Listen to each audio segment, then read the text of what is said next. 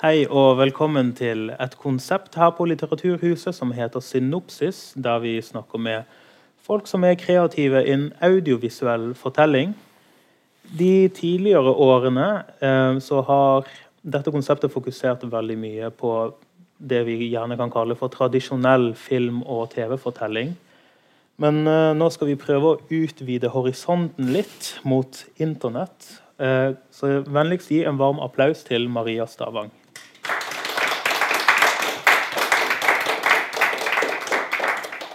Ja, så en av de mange grunnene til at du sitter her, er fordi du har gjort Skal vi kalle det for Kom inn. kom inn. Skal vi kalle det for uh, suksess? Du har uh, publisert en del uh, videoer du har laget helt sjøl, fra bunnen av. Publisert de på plattformen YouTube, og fått ja, veldig mye klikk, som det heter. Er du enig med den beskrivelsen? Av min suksess? Ja.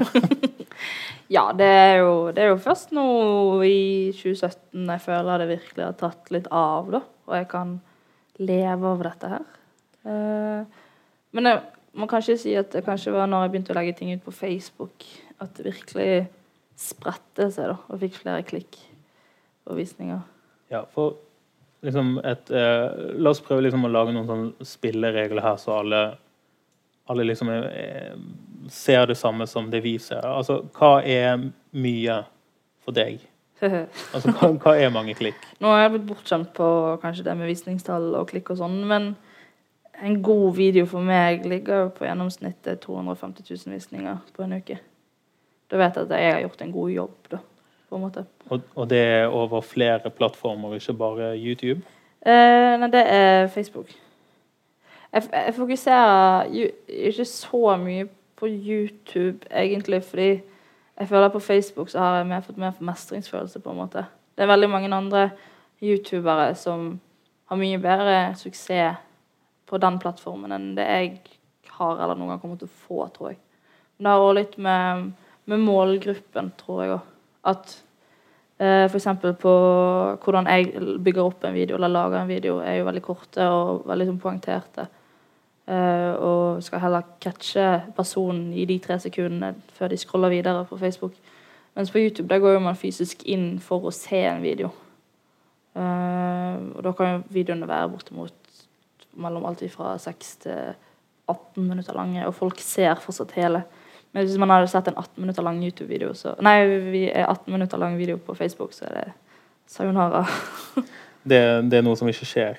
Det er ingen som har suksess med det. Det bare mye gøy innpå den. Veldig spennende at du er såpass bevisst på eh, synergien mellom plattform og innhold, og hvordan de samarbeider med hverandre. Det skal vi komme tilbake til. Um, det andre tingen jeg har lyst til å klargjøre litt. Du kaller deg sjøl for Pia Tid. Ja. Og det virker som om hele din tilstedeværelse online som Pia Tid er samme prosjekt. Ja. Altså, den Pia-tid er på Instagram, den Pia-tid er på Facebook mm. osv. Det, det er samme prosjekt. Ja. Uh, Hvordan funker det? Uh, først så funket det jo bare med at uh, brukernavn, hva skal det være for noe? Og så ble det Pia-tid, fordi pappa her har hatt det som kallenavn på meg i alle år. men det er vel flere og flere som har kanskje gjort det om til et artistnavn mer enn det jeg trodde det skulle bli. Um, altså, er du med på det sjøl, liksom, nå i etterkant? At du ser på det som et artistnavn? Ja, for det, det, er mange som sier du er jo ikke Pia-tid når vi treffer deg i virkeligheten. på en måte. Altså, Når jeg snakker i videoer, så kan jeg snakke veldig sånn som dette her. Eh, og det gjør jo ikke jeg når jeg snakker med deg nå. Eh, jeg foretrakk det forrige. ja, det er sant. Men det er jo fordi når jeg leverer noe, så er det på en måte en annen formidling enn når vi har litt sånn casual down her på, på, Litteraturhuset. Uh, så om jeg, altså, jeg føler ikke jeg slår på en karakter idet jeg slår, liksom, begynner å filme en video, eller hvis jeg legger ut et video på Instagram. Det er mange som sier jeg er mye penere i virkeligheten enn det jeg er på videoer på Instagram. Så, det, så, så sånn sett kan jeg være med på. OK. Eh, det skal vi også komme tilbake til. For, for, jeg, må tenke, for jeg, må tenke, litt, jeg, må tenke, litt på hva som er riktig å si uh, i den forstand.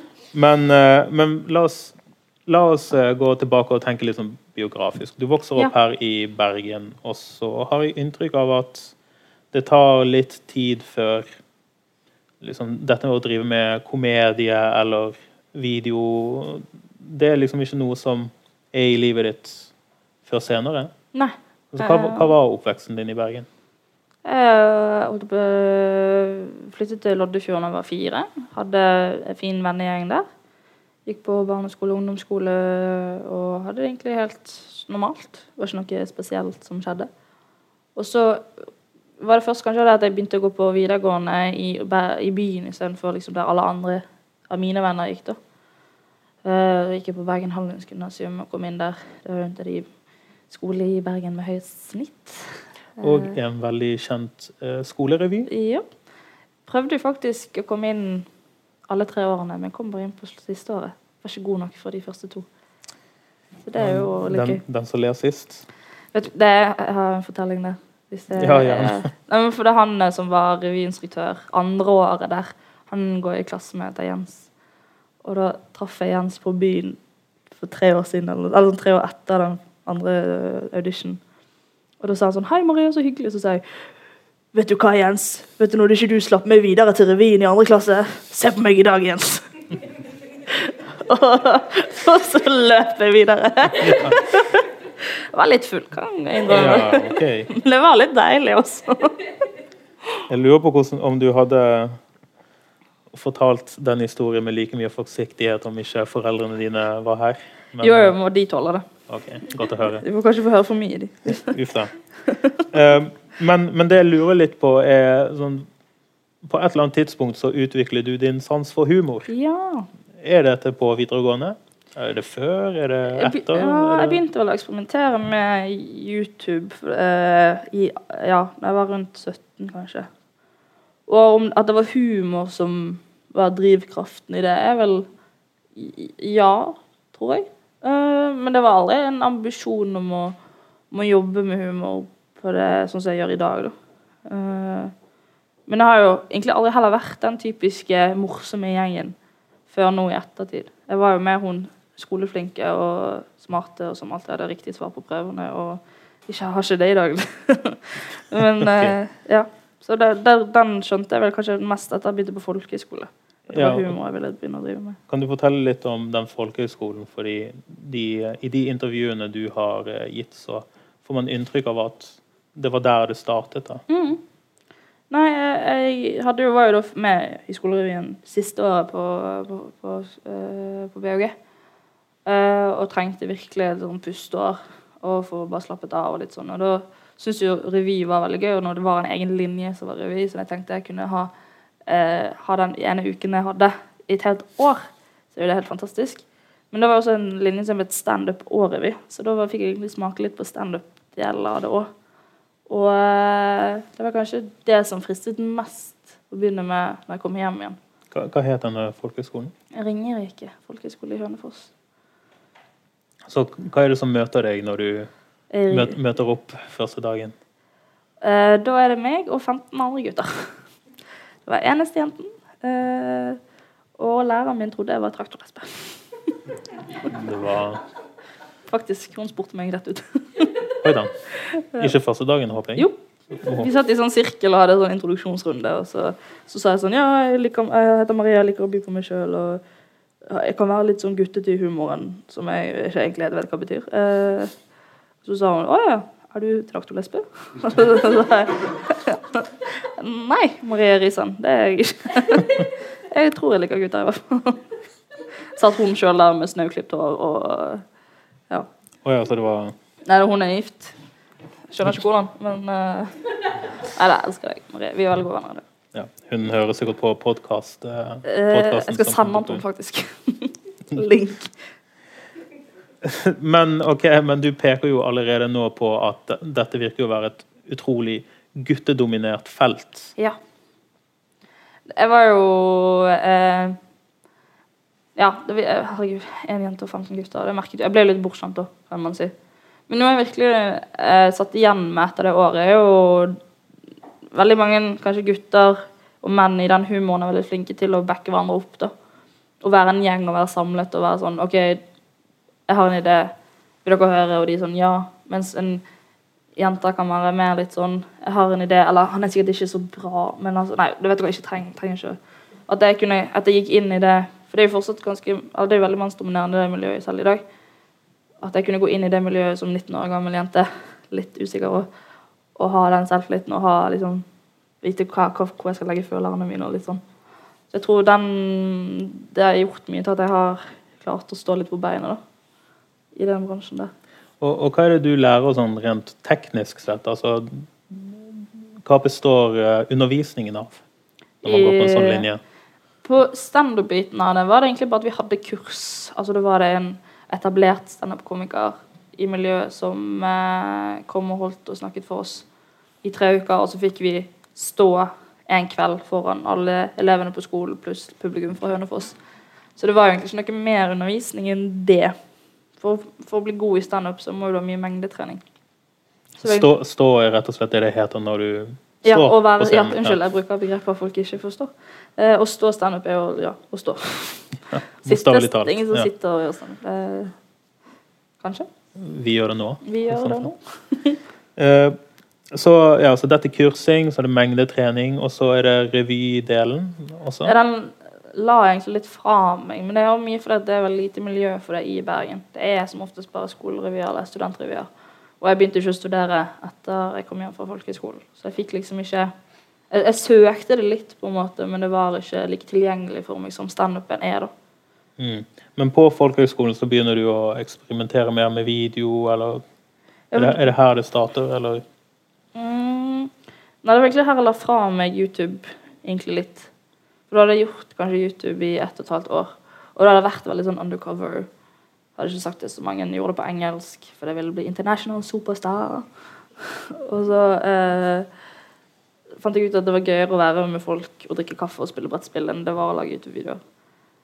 Og så var ikke det før litt sånn i seinere ettertid at jeg tok det opp igjen. da. Du kommer tilbake igjen til Bergen, Ja.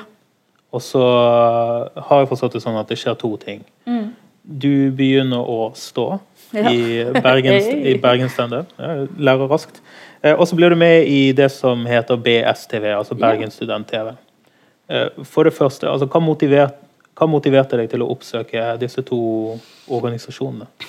Jeg er jo en person med litt makk i ræven til tider. Eh, litt rastløs.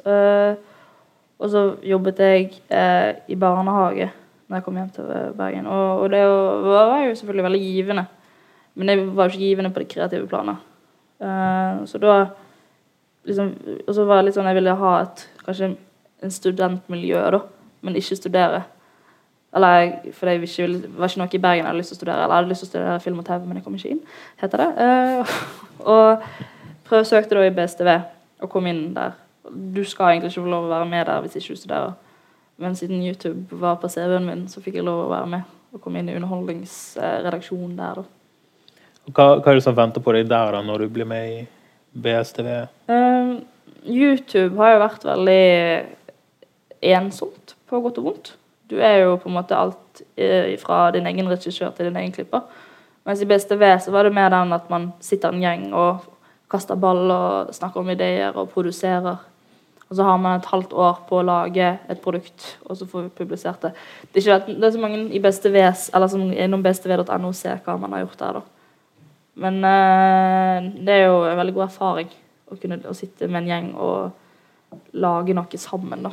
Det gjorde jo ikke jeg med YouTube. på en måte. Hadde de den samme engasjementet for det å lage vis audiovisuell humor som det du hadde? Ja, eh, i forskjellige grader. Det har jo med De tar jo forskjellige roller, da. Så det var en som ville være prod- prodas, og så er det noen som vil være lyd, og så er det noen som vil være klipp. Mens jeg fikk mye manusroller, og det å skrive og lage, eller ha ideene. Så man ble liksom sitt eget lille mediehus, da.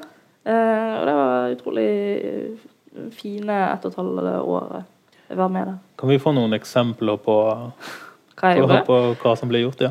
Første semester så gjorde vi en julekalender. Og da filmet vi faktisk her inne. Eh, litt en del av den. Og da skrev meg og en som heter Stian manuset. eh, og fire episoder. Og så var det en, en som heter Sigurd på klipp, og Agnete på lyd, og Prod Ass, og sk masse skuespillere. Så det var jo en helt annen verden. Det var jo fortsatt ganske sånn amatørnivå, da. Men det var såpass proft, den gjennomførelsen folk, eller engasjementet folk hadde i det, at det var veldig, veldig kult. Og så hadde vi også en spalte som het eh, 40 km i timen, som handlet om at jeg skulle ta lappen. Hvor vi bare filmet at jeg øvelseskjørte. Uh, og det var jo jævlig. Uh, Tok du lappen? Nei. Men uh, det var vel fire episoder vi spilte inn. Og det var på noen av de episodene så kommer politiet, og eh, jeg får helt panikk. Og jeg, og kløtsj, hva er det for noe? Og ja. I, det, nei, det er veldig mye gøy. Eh, og så hadde vi også en spalte som het uh, 'Hater når det skjer'. Og det var litt mer den sketsjete fiksjon, eller fiks, uh, fiksjonen igjen, som var veldig gøy å sitte og skrive manus og bearbeide det. Og han som hadde film og klipp på det da, har også film og klipp på det jeg har gjort med NRK nå, nå de siste ukene. Så det er kult. Ja, så du fant venner er folk som og kollegaer. deg, da. Ja. På hva, hvordan du vil at ting skal se ut og sånn. Og så går jo litt ut ifra at du finner en sånn slags stemme da, som Ja. komiker her. Husker du litt Altså, husker du hvordan du fant fram til denne stemmen? Det hva jeg Altså, når du Hva, sier stemme ja, altså, hva du føler er deg, da? Min I humor? din humor og måten å formidle det på. Jeg liker jo eh, satirebiten, kanskje, best. Mm. Det å kunne sparke nedover, men også sparke oppover, på en måte. Og ta noen. Ta et tema, eller ta eh, noe, og så se om man kan lage humor rundt det. Kanskje et tema som er litt alvorlig, eller som kanskje ikke er så enkelt å lage humor ut av. Men det er vel kanskje det jeg har funnet ut at det Men når jeg gjorde det, er vel Nei, hva skulle man si? Jeg er ikke sikker. Altså Dette her med å lage en serie hvor du prøver å ta lappen Det Ja. høres, høres jo litt ut som noe du skulle komme tilbake til med sånn parodi på selvhjelpsvideoer og Sant. guider. Ja, det er jo, det er jo uh, mye av YouTube-karrieren til folk er jo disse selvhjelpsvideoene. Mens det igjen er jo, det er jo veldig tøysete. Og så er jeg egentlig veldig glad i å lage den tøysete delen også. Men jeg kan også være glad i å lage satiredelen. Og det jeg er aller mest glad i, er jo fis. Uh, jeg syns jo promp kanskje er det gøyeste i hele verden, men det lager jo ingenting på. altså sånn Det er begrenset hvor mye bæsj og tiss er gøy, liksom. Men det er jo sånn Men det var vel kanskje det at jeg kan lære folk noen ting samtidig som jeg får folk til å le. Eller si min mening, og så at det er litt humor. da. Jeg, jeg satt og tenkte på det nå for ikke så lenge siden at det, shit, hvis det er noe jeg har lyst til å nå ut med, hvis det er noe jeg mener, så må ikke ringe en eller annen avis eller et eller annet TV-program. Jeg kan bare lage en video, og så få det ut sjøl, på en måte. Jeg har blitt liksom Jeg har min egen plattform og mener ting på. da. Det, det skal vi definitivt komme tilbake til. Men jeg har bare lyst til å også høre litt om Standup Bergen. Ja. For det er et Ja, for oss som ikke følger veldig aktivt med på standup i mm. Bergen, kan du bare forklare litt eh, liksom, hva type organisasjon dette er, og hva type opplegg det er? Um, kan eh, sammenligne det med f.eks. Latter da, i Oslo. Standup Bergen er jo en veldig sånn dugnadsorganisasjon. Hvor de i toppen får kanskje bitte litt betalt for å drive det. Eh, og man får utbetalt etter hvor mye man står. Men det er også veldig mye sånn Vi trenger noen som kan henge opp plakater, vi trenger noen som kan sitte i døren og ta imot betaling, vi trenger noen som kan sitte på lyd, vi trenger noen til å hjelpe å rydde.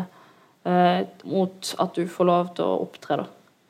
Så det er jo eh, veldig proft, samtidig som det også er litt sånn dugnadsånd i Standup Bergen. Eh, og det er egentlig for alle som vil. Du må ikke ha noe kurs eller noe erfaring egentlig for å få lov til å prøve å stå på Humorlab, som er liksom den nykommerscenen som vi har her i Bergen, som er på Vaskeriet. Ja, og hvordan er det du kom inn i Standup Bergen i din tid? Um, det var egentlig bare å kontakte han Kristoffer Kjellrup, som er leder der, da, eller sjefen. Eh, og si sånn Hei, jeg er en jente fra Loddefjord som har lyst til å prøve standup. Har du noen, noen scener som jeg kan gjøre det på, da? Og da var det sånn Ja, still opp eh, den datoen. Du har fem minutter.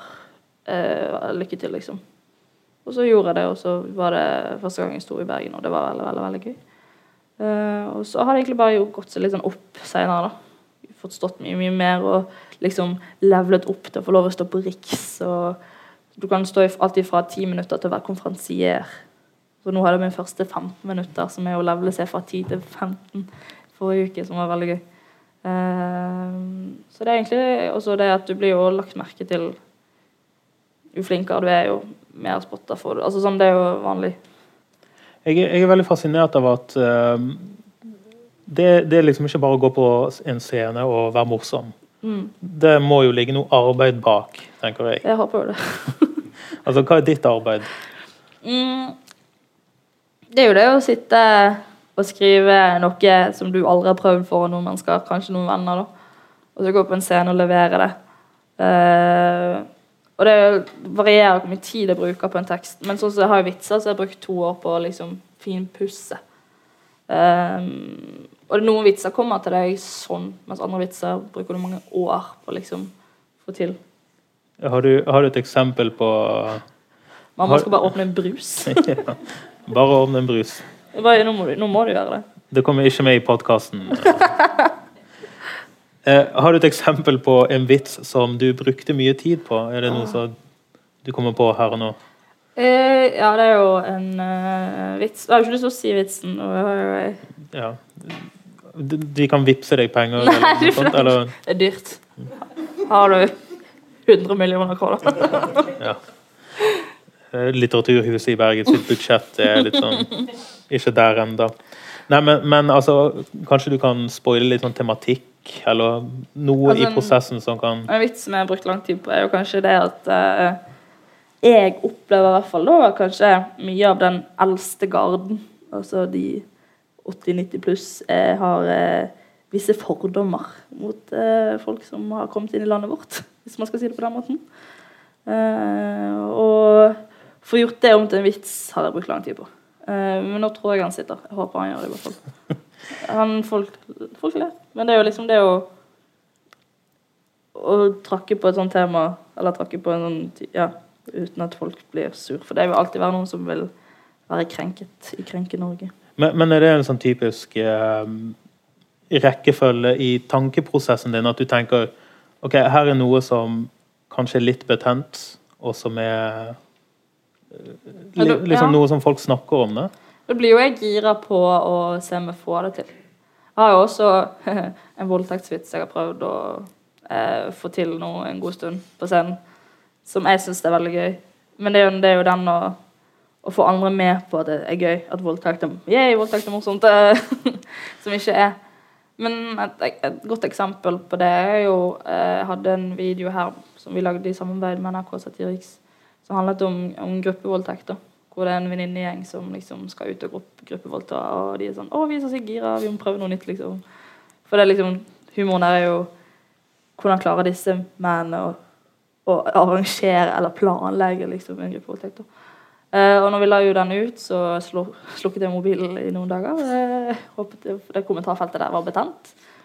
Men nå, eh, for ikke så lenge siden faktisk, så kom hun Andrea Voldum bort til meg. Vi var på samme arrangement. Eh, og det er hun fra Hemsedal-saken, for de som ikke vet hvem det er. Og så sa hun sånn Den gruppevoldtektsvideoen du lagde, var kjempegøy. Jeg koste meg masse, liksom. Folk er så hårsår. Mamma, kom! Det er hun er hun gøye for den gruppevoldtektsvideoen, vet du. Så må kom og, og moren hilste, og de syntes det var så gøy. Og jeg satt der bare Og nå har jeg så høy puls. For det var liksom Hvis det er noen som kunne blitt krenket, da, så var jo det hun. Eh, skal du lage humor på det verste som har skjedd i livet mitt? liksom. Men hun sa jo det at jeg har brukt mye av humor for å, for å komme meg gjennom det som jeg har opplevd. Og det er også sånn Dag Sørås sa jo, som kanskje er en av de i, i landet i dag som tør å trakke litt utover de grensene, som sto med 22. julevitser for eh, publikum, og så fikk han masse meldinger etterpå om at det ikke var greit. Men når han gjorde det for faktisk ofre av 22. juli, så syntes de det var kjempegøy. At noen hadde lagd humor. Altså sånn, det har jo litt med at folk er jo Nå er jeg ute på en lang rems her. Ja, nei, men det, dette er Men folk er veldig for å ta seg nær av ting som kanskje ikke de sjøl opplevde. Og folk blir krenket av det. Ja. Så, så et par observasjoner her. da. Altså, Mm. Det virker som om du blir litt sånn ekstra giret av tanken på at det er upassende. ja. Der har du meg.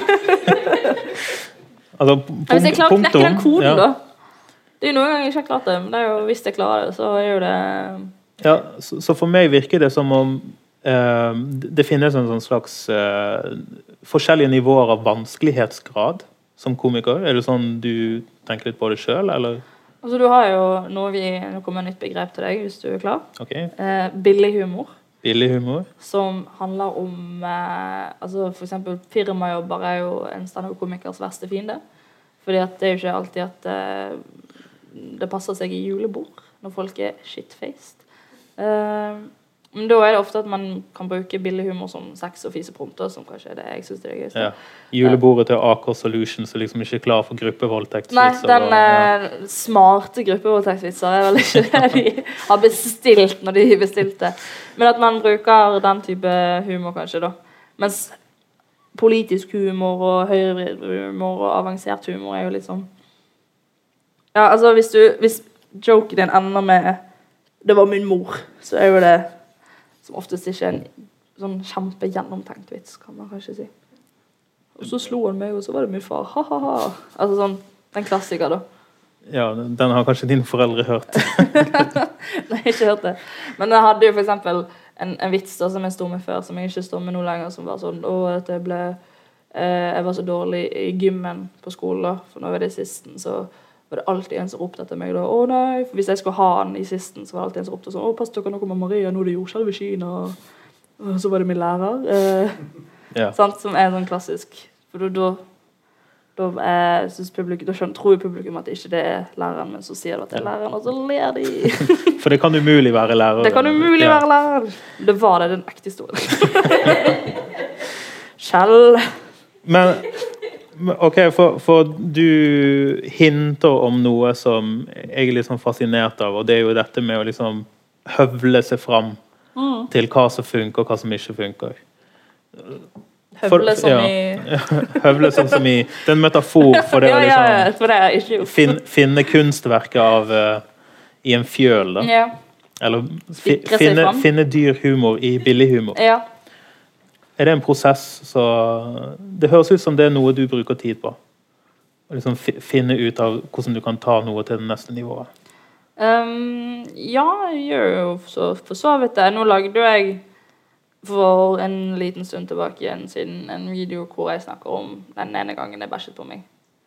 Uh, som er jo da kanskje mange vil si billig humor, og jeg vet også sjøl at det er billig humor. Kanskje, og kanskje alle sin første vits i er livet. liksom et eller annet der med at uh, jeg tok med meg noen hjem, og så nø, nø, nø. Eh, Men at man kan avansere det.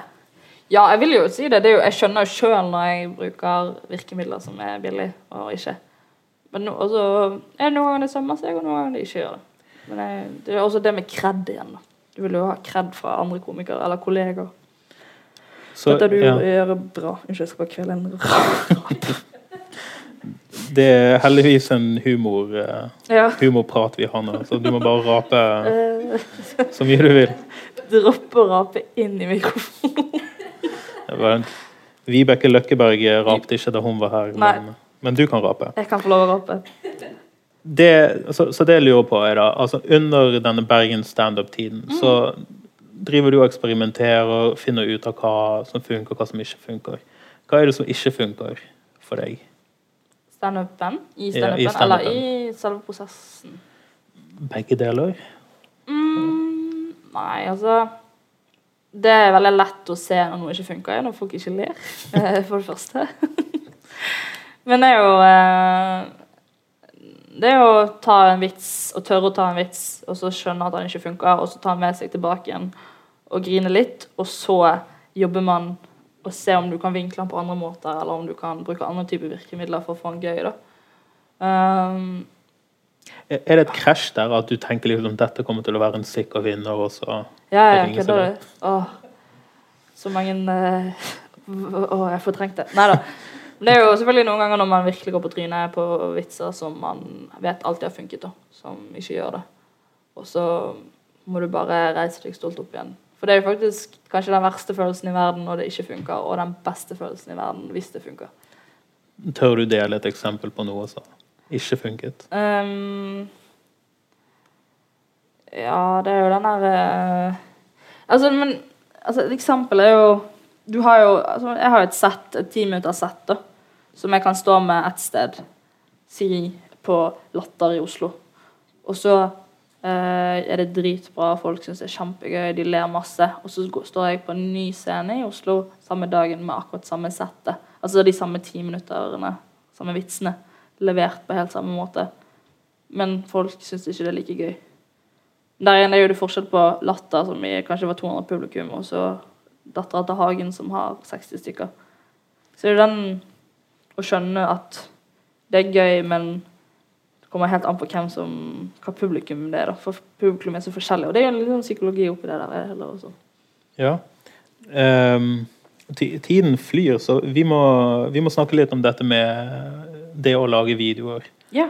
Altså, på et eller annet tidspunkt mens du er i Bergen, så begynner dette å bli større og større. Hvor plasserer du det tidspunktet?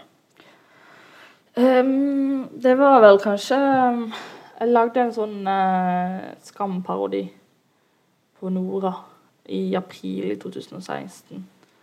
Og det var da folk liksom kom bort på gaten da kanskje og sa sånn 'Hei, ikke du rundt på Facebook?' Og så er jeg sånn 'Ja, det er meg'.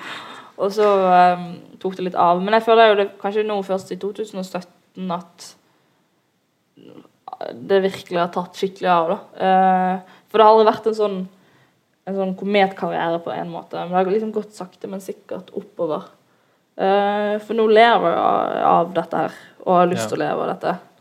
Um, Nå, nå skjønte du at det var en realistisk mulighet å kunne leve av dette? et- det må være årsskiftet, tror jeg.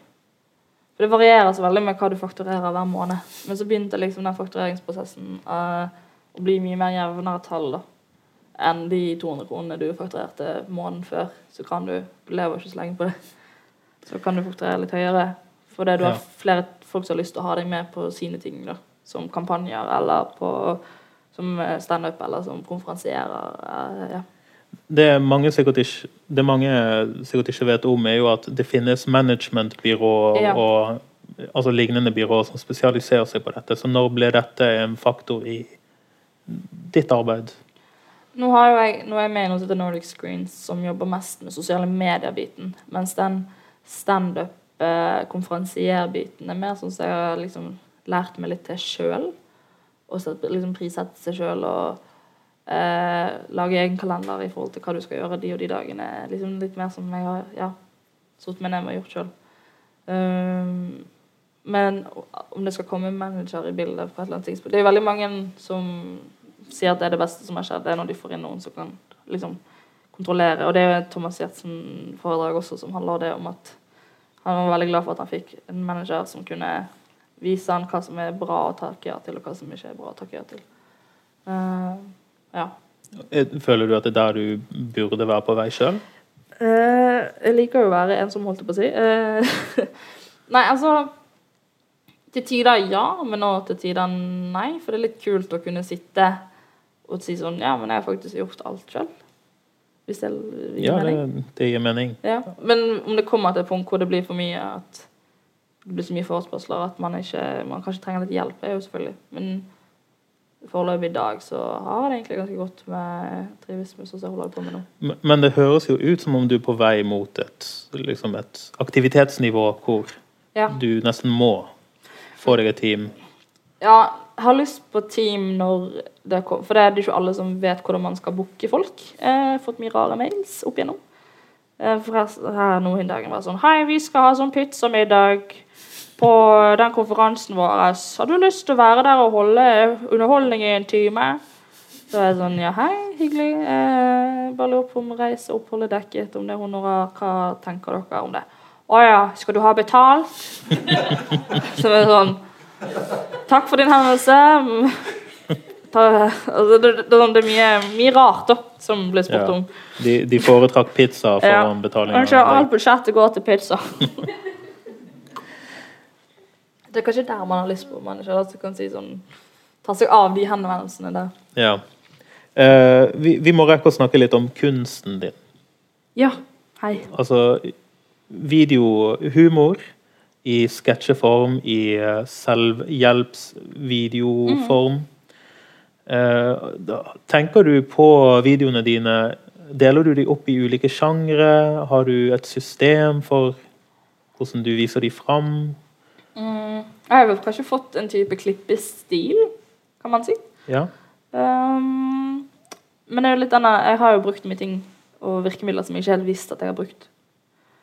Eh, Hva, hva, hva mener du med det? altså, jeg har brukt eh, Hva skal man si? Jeg, jeg kan ikke navnet på det, så jeg vet ikke hva det betyr. Bare bruk dine egne ord. Men sånn som jump cut, da, som, var visst, som er en sånn YouTube-ting, det at man ikke har lange scener, men man bare kutter i setninger. Ja. Og zoomer kjapt inn på et fjes og kjapt ut igjen. Legger inn musikklyder og litt sånn. Uh... Jump cut er da uh, at man bryter opp lineær tid, slik at uh, den pausen som eksisterte i virkeligheten, da blir fjernet gjennom klippeprosessen. det han sa. Woody, Woody Allen bruker det mye. Ja. Ja. ja, kanskje det da sånn, finne ut hva Det er jo veldig forskjellig for hva linje er, som du sa. Eh, TV, at der er jo det ofte lange sekvenser og lange scener, mens vi er mer sånn Visste du at når jeg var så liten som 19, så Altså at du gjør det på den måten og klipper, liksom, bruker humor i det, da. Eller finner humor i klippestilen, på en måte. Vil, vil du si at eh, det er en helt egen rytme eh, som er typisk for YouTube-humor, altså internetthumor? Ja, ja, ja. Definitivt. Og det er noe som du egentlig ikke var bevisst på, da? eh, Det du sier nå? Jeg tror jeg var bevisst i det. Det viser at jeg hadde sett litt på YouTube før jeg begynte med det sjøl. Men jeg visste jo ikke at det var et virkemiddel til å begynne med Eller når jeg, liksom, når jeg begynte å klippe sjøl. At det, det blir gøy hvis jeg klipper kjapt her, eller hvis jeg zoomer kjapt inn her. Er mer noe som jeg liksom skjønte litt sånn etter hvert. da. Det er sånn som jeg gjør med mye annet. At man bare gjør ting, og så skjønner man at man har gjort noe lurt, kanskje. her Har jeg vært Det- smart her? Det har du. Eh, du, du. Du ser rett inn til kamera, du snakker til noen. Ja. Hvem er det du ser for deg? F- altså, en hemmelighet også er jo at for å ufarliggjøre den innspillingsdelen i det, for jeg sitter jo inne på, på jenterommet, så tar- har jeg aldri på meg bukse. for jeg vet at de som ser på det, ikke vet at jeg har bukse på. For å liksom ufarliggjøre hele den greien. Men jeg har vel aldri altså, jeg har aldri lagt ut noe Eller i starten så la jeg aldri ut noe så jeg visste traff en viss type målgruppe. da jeg har bare lagt ut ting som jeg sjøl er morsom. Og nå er jo jeg mellom jenter 18 til 25. Og så treffer jeg også mest jenter 18 til 25. Eh, og pappa. Eh, altså Det er kanskje det jeg liksom har hatt, vært bevisst på det, men bare lagd det jeg sjøl syns det er gøy. Og så sett om det er noen som syns det var gøy også. Du, du har også en sånn look Ja. i eh, videoene dine, en, en estetikk i bildet. Er det noe nå du skal snakke om at jeg er penere i virkeligheten? Vi skulle komme tilbake inn på det. Uff, jeg prøver å utsette det så mye som mulig. Jeg er bare så utrolig redd for å tråkke salaten der. Det er veldig, veldig vanskelig å være politisk eh, OK, jeg tror jeg har det. Du er pen i begge virkeligheter. OK, ok, jeg holdt, jeg holdt på å miste trådene. tråden der. Eh, looken i videoene dine. Eh, har du apet videoer på YouTube, eller er det rett og slett bare noe som kom fram ved at det var det utstyret du hadde tilgjengelig? Hvor mye har du tenkt på det? Apet? Hva Ja, altså Sett på hva som funker på YouTube, hva som er populært sånn, på. YouTube, og så Um, gjort det samme. Nei, jeg vil, jo, jeg vil jo si at jeg har vært litt en sånn en som kanskje har gått litt hinveien. Så, så det har vært veldig mye sånn chubby bunny challenges og uh, What I Eat In A Day-videoer og litt sånn ja, videoer eller tema som har gått viralt i YouTube, da. Mens jeg er jo litt mer fan av det å sette opp et manus og spille det inn og skrive inn hu humoren der. Mm. Uh, men jeg har jo godt gått lagd noen sminkevideoer uh, som har uh, rullert på Facebook. Um, Du sier det som en motsetning til det å skrive manus. ja, for det var Der er den Når jeg har lagd de videoene, så har jeg at det bare visste OK, du skal opp jævlig stygg. det er det som er humoren her. Så da har jeg liksom bare trykket rekk, og så har jeg spilt det inn, og så har jeg Kanskje mye grunn til at det har blitt veldig gøy, fordi at jeg har klippet det veldig mye sånn. Så jeg har brukt mye av de eh, verktøyene da, som jeg ikke visste at jeg kunne bruke i videoene. eh, for å gjøre det gøy, da. Så jeg, liksom, jeg syns egentlig begge deler også Jeg hadde også en sånn sjokoladehuskan. Eh, nå i fjor som ble veldig, veldig gøy. Som jeg har fått veldig sånn Når folk møter meg, eller hvis jeg treffer folk på gaten, så er det sånn Gi meg en sjokolade, fordi at de, visste, de kombinerer eller tenker at den videoen jeg lagde når jeg lagde Freia sjokoladehus, så vet jeg at jeg liker sjokolade, så derfor gir de meg sjokolade når de møter meg. Som er veldig hyggelig. Så det, og det resultatet Det du syns er kult med det, er jo at det er også resultatet av at du riffer Ja. rett og slett foran kamera. Faen, jeg, jeg improviserer. Ja. Ja, for det er det, du må ikke alltid planlegge så mye. da. Jeg lagde jo en Voldemort makeup-tutorial her. Den nyeste vid en av de Ja, nyeste videoene. Ja. Ja, vel, den la jeg ut rett før halloween. Som også var bare sånn OK, du skal se mest mulig ut som Voldemort på slutten av denne videoen. Og så får vi se hvor bra det blir. Jeg syns det ble veldig bra, faktisk. Jo, takk. Er ikke utdannet makeupartist, men det er jo en plan B. Hvis ikke dette her funker. Vi skal, vi skal faktisk snakke om plan B mot slutten her.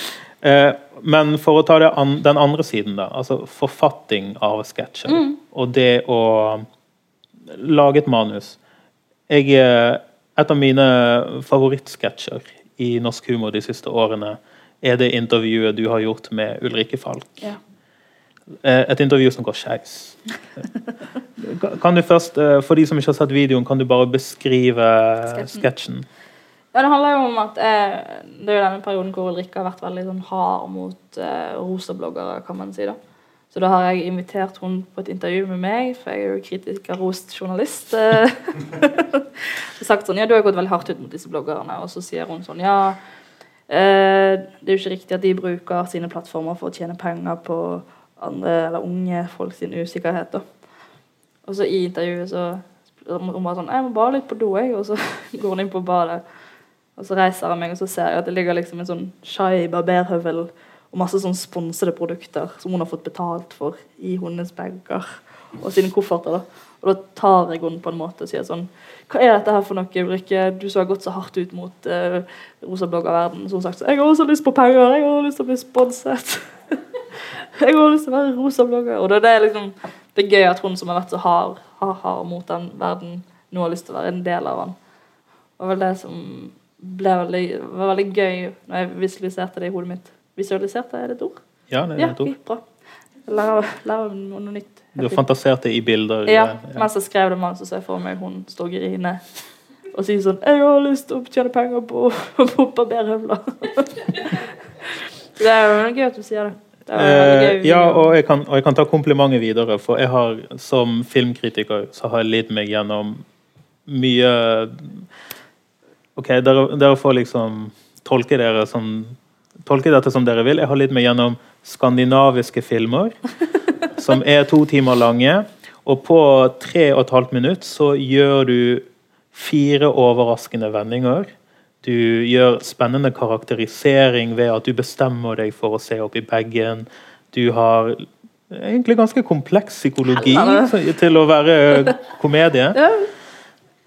Det jeg lurer på liksom, Det høres ut som om dette bare skjedde da du skrev det. Ja. At, eller er dette noe som du har tenkt hm, Hva kan jeg gjøre her, jeg som fagperson? Tilbake til det du sa med at jeg gjør ting ubevisst. Og det er jo et manus jeg skrev på en kveld. Jeg visste at Ulrikke skulle være i Bergen, og så har jeg kjent henne litt fra før. Så jeg tenkte det var gøy hvis vi lager en video sammen. Så da bare skrev jeg manus sånn på måfå på en time. Og så sendte jeg til henne og sa sånn Er dette noe du syns er gøy? Hun bare ja, dette er kjempegøy. Vi lager det, liksom. Og så ringte jeg en kompis, og så hadde jeg noen som kunne filme og klippe det, liksom. Uh, men så svarer jeg vel mm, at jeg ikke var bevisst på at jeg gjorde fire vendinger. Helt alene. Ja, Så det er jo veldig gøy. Nei, det er jo kanskje det at det ligger i Skal man si underbevisstheten. Men at jeg, at jeg kan faget også, er jo veldig hyggelig å høre. det kan du. Um, absolutt. Og så må jeg også nevne at du Det, det finnes et uh, system her hvor det er noen videoer du åpenbart lager helt sjøl. Så er det noen videoer som um, på en måte virker som bestillingsverk. Og så har du også samarbeid med NRK. Kan du beskrive litt disse ulike formene og ulike samarbeidene? For at jeg skal overleve, må jeg først og fremst gjøre enten redaksjonelt innhold, eller så gjør kommersielle samarbeid. Og det er da å kunne vise fram sin personlighet og den karakteren eller artisten Pia Tid jeg har bygget opp i de forskjellige tingene. Eh, så det er jo litt skummelt å plutselig bli sånn Kjøp dette produktet, det er skikkelig bra for deg. Til at man kan gjøre sin humor ut i det. da.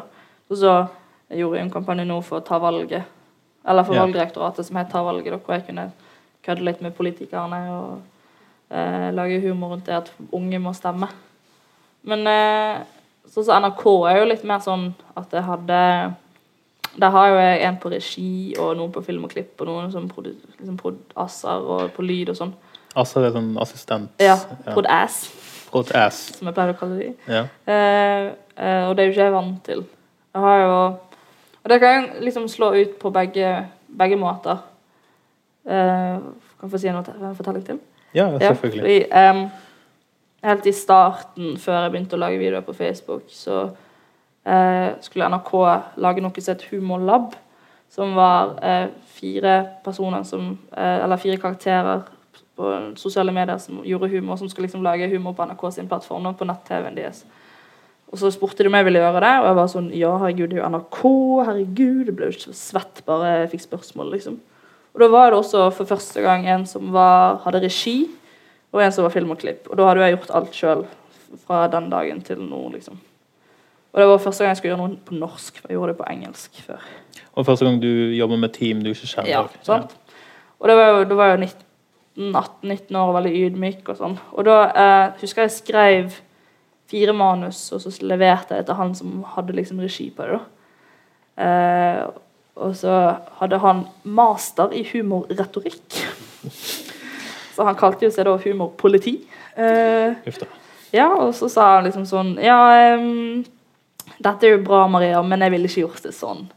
Og så tok han manuset mitt, og så bare voldtok han det og skrev og bare sine egne setninger. Og liksom drepte alle mine puncher og la inn sine egne ting. Og holdt liksom fortsatt passformen og grunnideen, men det var liksom ingenting av det jeg sa. Ingenting i, i videoene var liksom ting jeg hadde skrevet sjøl. Og det merket jeg også på leveringen av vitsene. Så jeg husker når den dagen også kom når dette skulle liksom bli publisert, så hadde jeg ikke heller sett gjennom noen av klippen. Og mye av det som er gøy, ligger jo i klippen og det å eh, I fotoklipp. Ja. Eh, så alt ble bare publisert uten at jeg fikk sett det. Og da husker jeg mamma ringte meg og sa sånn Dette er ikke deg. Dette er ikke i nærheten av det du har gjort, liksom. Eh, fordi humorpolitiet var så han, Jeg husker han ringte meg den dagen og sa sånn Den dagen det skulle bli publisert, så sa han sånn Ja, i dag får vi mange telefoner her, Maria. For vi, dette hadde vi gjort sammen. Uff da. Så det er liksom, ja. Ja. Er, det en sånn, er det en sånn holdning som er, er typisk å bli møtt med? Kanskje spesielt, For du nevnte i sted liksom hvor guttedominert denne bransjen kan være. Ja. Om det var tilfeldig at han var gutt, det er jeg ikke sikker på. Men det er vel og kanskje hva med min egen stolthet også, der og da. For da hadde jo jeg ikke Jeg hadde jo Pia-tid, men jeg, hadde jeg var jo ikke i nærheten av det. Den følgerskaren jeg har i dag, som jeg hadde da. Da hadde ikke begynt med videoer på Facebook. Så det var kanskje det at jeg ikke tørde å stå i mitt eget og det jeg sjøl syntes var morsomt. da. Um, ja. Men, men er det en holdning du har møtt på igjen i andre typer former, eller er det noe som tilhører fortiden? Den der har ikke jeg fått flere ganger. Men nå tror jeg jeg er mye mer obs på ting og sier fra hvis det er noen som skal ja, ta min, det jeg skal lage, da, og, og vri det veldig om. Selvfølgelig så tar jeg imot eh, konstruktiv kritikk på manus og sånn. Men jeg skjønner jo også når min idé ikke blir min idé i det hele tatt. Tror jeg. Eh, Jeg har lyst til å bare nevne et par ulike tematiske tematiske ting som du åpenbart er opptatt av i Ja. humoren din. Eh, Vi har snakket litt om liksom, selvhjelpsvideoer og guider og sånt. Eh, Jeg har lagt merke til at du liker å ødelegge ansiktet ditt veldig ofte. Ja. Hvorfor? Nei, først så var jo det um, Altså, YouTube består jo veldig mye av folk som gamer, og folk som sminker seg. Uh, og så vil jo jeg parodiere de, da, på disse damene som lager veldig mye sånn makeup tutorials og og så var det egentlig bare det som var ideen først. Men så merket jeg at når jeg begynte å lage disse sminkevideoene, så var det jævlig vanskelig å sminke seg. så jeg fikk ikke det helt til. Uh, og så skjønte jeg også at den første jeg lagde, at det var jo veldig gøy når jeg ser helt forferdelig ut i fjeset. Så det, at det ble på en måte humor. Nå er det samme med Voldemorten også. Det, er jo, det ser jo ikke bra ut. Det ser ikke frisk ut. Men eh, ja, det kommer flere av de. Kan jeg love deg. Men, men det virker som om du liker liksom å For for dette skjønnhetsidealet, Ja. som jo er noe som opptar veldig mange, at mm. unge mennesker kan føle det som et veldig stort press. Og dermed er virkningen av det at det skaper angst eller diverse psykologiske problemer. Så er er det liksom noe som opptar deg ellers? Dette med å ødelegge liksom, skjønnhetsidealet, for det er jo det Ja, du det gjør gjør. det. på en måte. Jeg syns jo Jeg er jo blitt Og det var jo litt sånn sånn Når jeg ble venner med Ulrikke også, at jeg skjønte at når du liksom har så mange følgere som jeg hadde da, at du når ut til veldig mange, og du er med å gjøre en forandring, enten det er positivt eller negativt. Og det kommer jeg tilbake til disse bloggerne også, at de er jo med å gjøre en forandring, enten det er positivt eller negativt. Det er bare å bestemme seg om man vil bli rik eller ikke. eh, og da kunne bruke min stemme da, til, å, til å hjelpe andre. Eller til å Ja, jeg har fått veldig mange meldinger i ettertid av jenter og gutter som sier at det har betydd veldig mye fordi at jeg har tørt å gjøre det jeg har gjort. Eh, og ødelegge ansiktet mitt og, og, og stå imot litt dette skjønnhetstyranniet, da. Som kanskje er der Kanskje ikke, men det som er i dag. Du nevnte det så vidt nå. eh, En annen tendens jeg har sett det siste året, er at du har Du virker å reflektere sjøl over kjendiseri, da, og din potensielle påvirkningskraft Ja. i, eh, sli, siden du har mange følgere. F.eks. med et av disse oppdragsvideoene du gjorde for Statnett. Ja. Hvor du går rundt og deler ut fysiske bilder av deg sjøl. ja. Og det virker som om du rett og slett eh, har begynt å ta inn over deg hvor absurd hele situasjonen er. Ja, bare forklare den eh, Det var en video for Statnett hvor jeg skulle gå en hel dag uten å leve på strøm. Og så skulle jeg få en masse nye følgere, da. Så da måtte jeg drive og dele ut selfies her på Torgallmenningen og si sånn Er jeg fin på dette bildet? Får jeg en like? De fleste var jo sånn Hva er det som feiler deg? og det var jo altså Jeg skjønte det veldig. Jeg har jo det var jo først der jeg begynt allerede å snu litt om på hvordan, hva jeg publiserte for eksempel på Instagram. da. Men det var jo også ve veldig sånn jeg eh, sto delt ut bilder hvor jeg virkelig har liksom gjort meg flott og pen foran kamera. Og gi det til folk på fremmede folk på gaten. Så var det bare sånn Det er jo helt sykt. Holder vi på med dette på ekte, liksom? Skal folk Ja, nei. Ja, altså, Syns du det er helt sykt? Det er jo jeg, jeg ber en annen person om å gjøre det, da. Gi andre folk som Ja, hva skal man si? si Kim Kardashian. da. Tenk hvis hun hadde sett, eller, sett henne i den situasjonen hvor hun må faktisk dele ut til folk som ikke vet hvem hun er. da. Bilder av seg sjøl hvor hun sier sånn Am I pretty in this? Ja, nå, nå klarte du å velge den ene personen som, Som trolig aldri ville klart det. ja. um, nei, men ja, det er jo Jeg tar den gjennomsnittlige nordmann da, eller nord. Ja. Men, men te, tenker du at For jeg vet at det er mange som tenker at det er det samfunnet vi har fått i dag. Ja. Er det tanker du deler? Ja, det er jo det. Um, jeg vil jo kanskje trekke fram dette at um, det er veldig mange, spesielt unge, og oppe i årene som uh, søker bekreftelse i sosiale medier. At de føler ikke at de er bra nok, med mindre de har så og så mange likes eller så og så mange kommentarer da, som kanskje venninnen sin eller hun Instagram-kjendisen eller hun bloggeren. Um, og grunnen da er jo at vi, vi legger ut det perfekte. Vi legger ut der når vi ser bra ut, og legger ut der når vi er på fest med venninner, eller legger ut når vi har det bra, ikke når vi har fett hår og ser på Stranger Things i ti timer. Eh, på en måte. Det hørtes veldig spesifikt ut. Ja, det var det. ja, altså det er jo det Jeg føler det er kanskje konsekvens av det med sosiale medier. Uh, og det er jo litt rart å kritisere sosiale medier på den måten når jeg har det som jobb. Um, men at jeg kan være med og på en måte forandre litt hvordan man legger ut ting, og hvordan man framstiller seg på sosiale medier. Og også at man ikke har et, et ensidig bilde av hva sosiale medier kan være. Mm. For jeg tror veldig mange ser på det som mest negativt. Og så er det sikkert noen som ser på det som mest positivt. Ja. og så er sannheten kanskje et sted midt imellom? Ja, jeg er jo Altså, det er jo mitt eget Det er jo levebrødet mitt, på en måte. Og jeg er jo veldig glad for, for muligheten til å jobbe med sosiale medier på den måten jeg gjør nå. Men det er jo litt den Jeg må jo ta meg sjøl i nakken og si sånn Nå har du sittet for lenge oppdatert på Instagram og fulgt med på om det, det bildet har gått bra, eller den videoen har gått bra. For det, jeg også søker jo også kanskje bekreftelse i at folk syns at jeg er morsom i, på sosiale medier. Men finner Ja. balanse på når det er sunt og ikke, på en måte. Hva med det å søke penger ut ifra sosiale medier? Altså, hva er dine tanker eh, rundt det? Du ønsker å ha det som levebrød. Mm. uh, I fem år til? I ti år til? I 20 år til? Uh, Det er jo en uh, veldig usikker jobb. Du vet jo aldri når neste forespørsel kommer. Men foreløpig så har jeg lyst til å bare um, se hvor langt det rekker, kanskje. Jeg har jo ingen idé om, om hvor lenge, og om det er dette jeg har lyst til å gjøre i TB60, liksom. Det tviler jeg veldig sterkt på. Så jeg har jo foreløpig ikke noe plan B. Eh, studie er jo kanskje noe som man kan gjøre.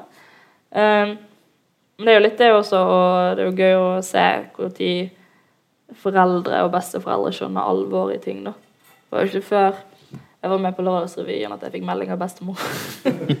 Hvor hun skrev at hun var stolt av meg. Eh, og det var jo nå for noen uker siden. Så det er liksom det å Ja, altså sånn tradisjonelle Ja. stempler, At man kan kanskje ha en fot innenfor begge deler, da. For det er jo mye mer altså, sikkert det å kunne jobbe Eller nå går jo TV ned, for så vidt. Eh, men at man kan ha fast jobb og kombinere det med det jeg har. Foreløpig har jeg ikke lyst til det, men det er jo en mulighet i framtiden, kanskje. Men, men hva med f.eks. et par ting som jeg ser på som naturlig å trekke fram her, er jo f.eks. Eh, en, ting er, en ting er rollefiguren Pia Tid, en annen ting er jo skuespillerinnen Maria Stava. Ja. Altså, noe eh, serie med meg hadde jo vært kjempegøy. Så, eh, men er det noe du tenker på? Foreløpig så er ikke noen noe som jeg liksom hadde liksom, legger energi i å tenke på. Men det er jo om det er en mulighet for at noen har lyst til å ha dette her som en eh, hovedrolle eller som en birolle i en eller annen serie eller film. Det er jo kjempegøy. Jeg har jo selvfølgelig lyst til å Jeg er veldig glad i å, å teste ut ting jeg ikke har gjort før. Uh, og det er jo selvfølgelig noe jeg ikke har gjort. Um, Så det er noe du kunne tenke deg å Ja, være en, en, en, tradisjonell spille tradisjonell spille en serie. Men det er jo sånn jeg ble spurt nå om jeg har lyst til å skrive bok. Og det er jo veldig mange som jeg har Eller som gjør det jeg gjør, som gjør det nå. Veldig mange bloggere og andre sosiale mediepersoner som skriver bok, da. Og de var sånn Ja, du får fritt til å skrive om akkurat det du vil, og sånn. Så og vi har et team som skal hjelpe deg. Og så er sånn Ja, men jeg har ikke lyst til å skrive Akkurat i dag, her og nå, så har jeg ikke lyst til å skrive bok. Da har lyst til å jobbe videre med det jeg gjør. Så kanskje Ja, men, men selv om du ikke blir eh, bokforfatter helt ennå, så hva med TV-manus eller ja, filmmanusforfatter? skrive en serie, eksempel. Ja. Eller skrive for et program. For meg virker det som en naturlig, om ikke forlengelse, så i hvert fall variasjon av det du allerede gjør. Det er veldig fint at du kan gi meg tips på hva jeg kan gjøre videre. Men, men det er jo noe som jeg bare må ærlig innrømme at det er noe jeg tenker mye på. Eh, jeg er jo altså sånn Er dette noe jeg virkelig Jeg er jo bare 22. Skal jeg jobbe Altså sånn, skal jeg jobbe med dette resten av livet? Altså Da er det som du sier, skuespiller eller manus Eller jobbe med humor som fag en mulighet jeg kan gjøre senere. Så du, så du er åpen. Eh, Hvor ser du hvor ser du humor på internett i norsk forstand? Hva, hva, liksom, hva er din beskrivelse av situasjonen akkurat nå? No. Du, du sa i sted at uh, tradisjonell lineær-TV, som det heter, altså den TV-en vi ser på vanligvis da, hjemme i stuen, den er på vei ned. Mm. Ja, det er jo han. Eh, Så, så, så hva er din analyse av situasjonen for folk som For den yngre garde av komikere? Jeg vil jo For det første så er jo eh, TV-en veldig fæl på å ikke fornye seg. Det er alltid nytt panelprogram eller nytt sketsjeprogram. Det er veldig få som tør å liksom prøve noe nytt. da. Eh, og det er jo det jeg føler sosiale medier virkelig gjør. Det er jo at de tester ut nye ting, for det er ingen konsekvenser. Det er ingen som mister jobben etterpå. Det er noen man bare tester ut, og så ser om det er bra, liksom. Og Det er jo det at man oppsøker den humoren med noe på få tastetrykk. Man trenger ikke å vente til torsdag kveld. Nydal, liksom. Ja, Bokstavelig talt. bokstavelig talt. Neste uke, liksom, før man Og så er det jo det at man kan velge litt sjøl hva slags humor man vil ha. For det er såpass eh, mangfold. Kanskje ikke i Norge, da, men i, i verden om hva du syns er gøy sjøl. Så du kan inn og se. se. Og det er jo det som er med sosiale medier, og det er grunnen til at linje-TV går litt ned. det er jo fordi at nå kan folk sitte med en iPad og kan de velge sjøl. De må ikke vente til et visst klokkeslett eller vente til en viss dag før, før de kan se noe. da. Det er det som er med barn. Ja, den den kan jeg gå langt inn i. Men uh, det har jo ikke tid til. Ja, for vi har faktisk brukt opp en time. Så gi gjerne en varm applaus Jo. til Maria Stavang.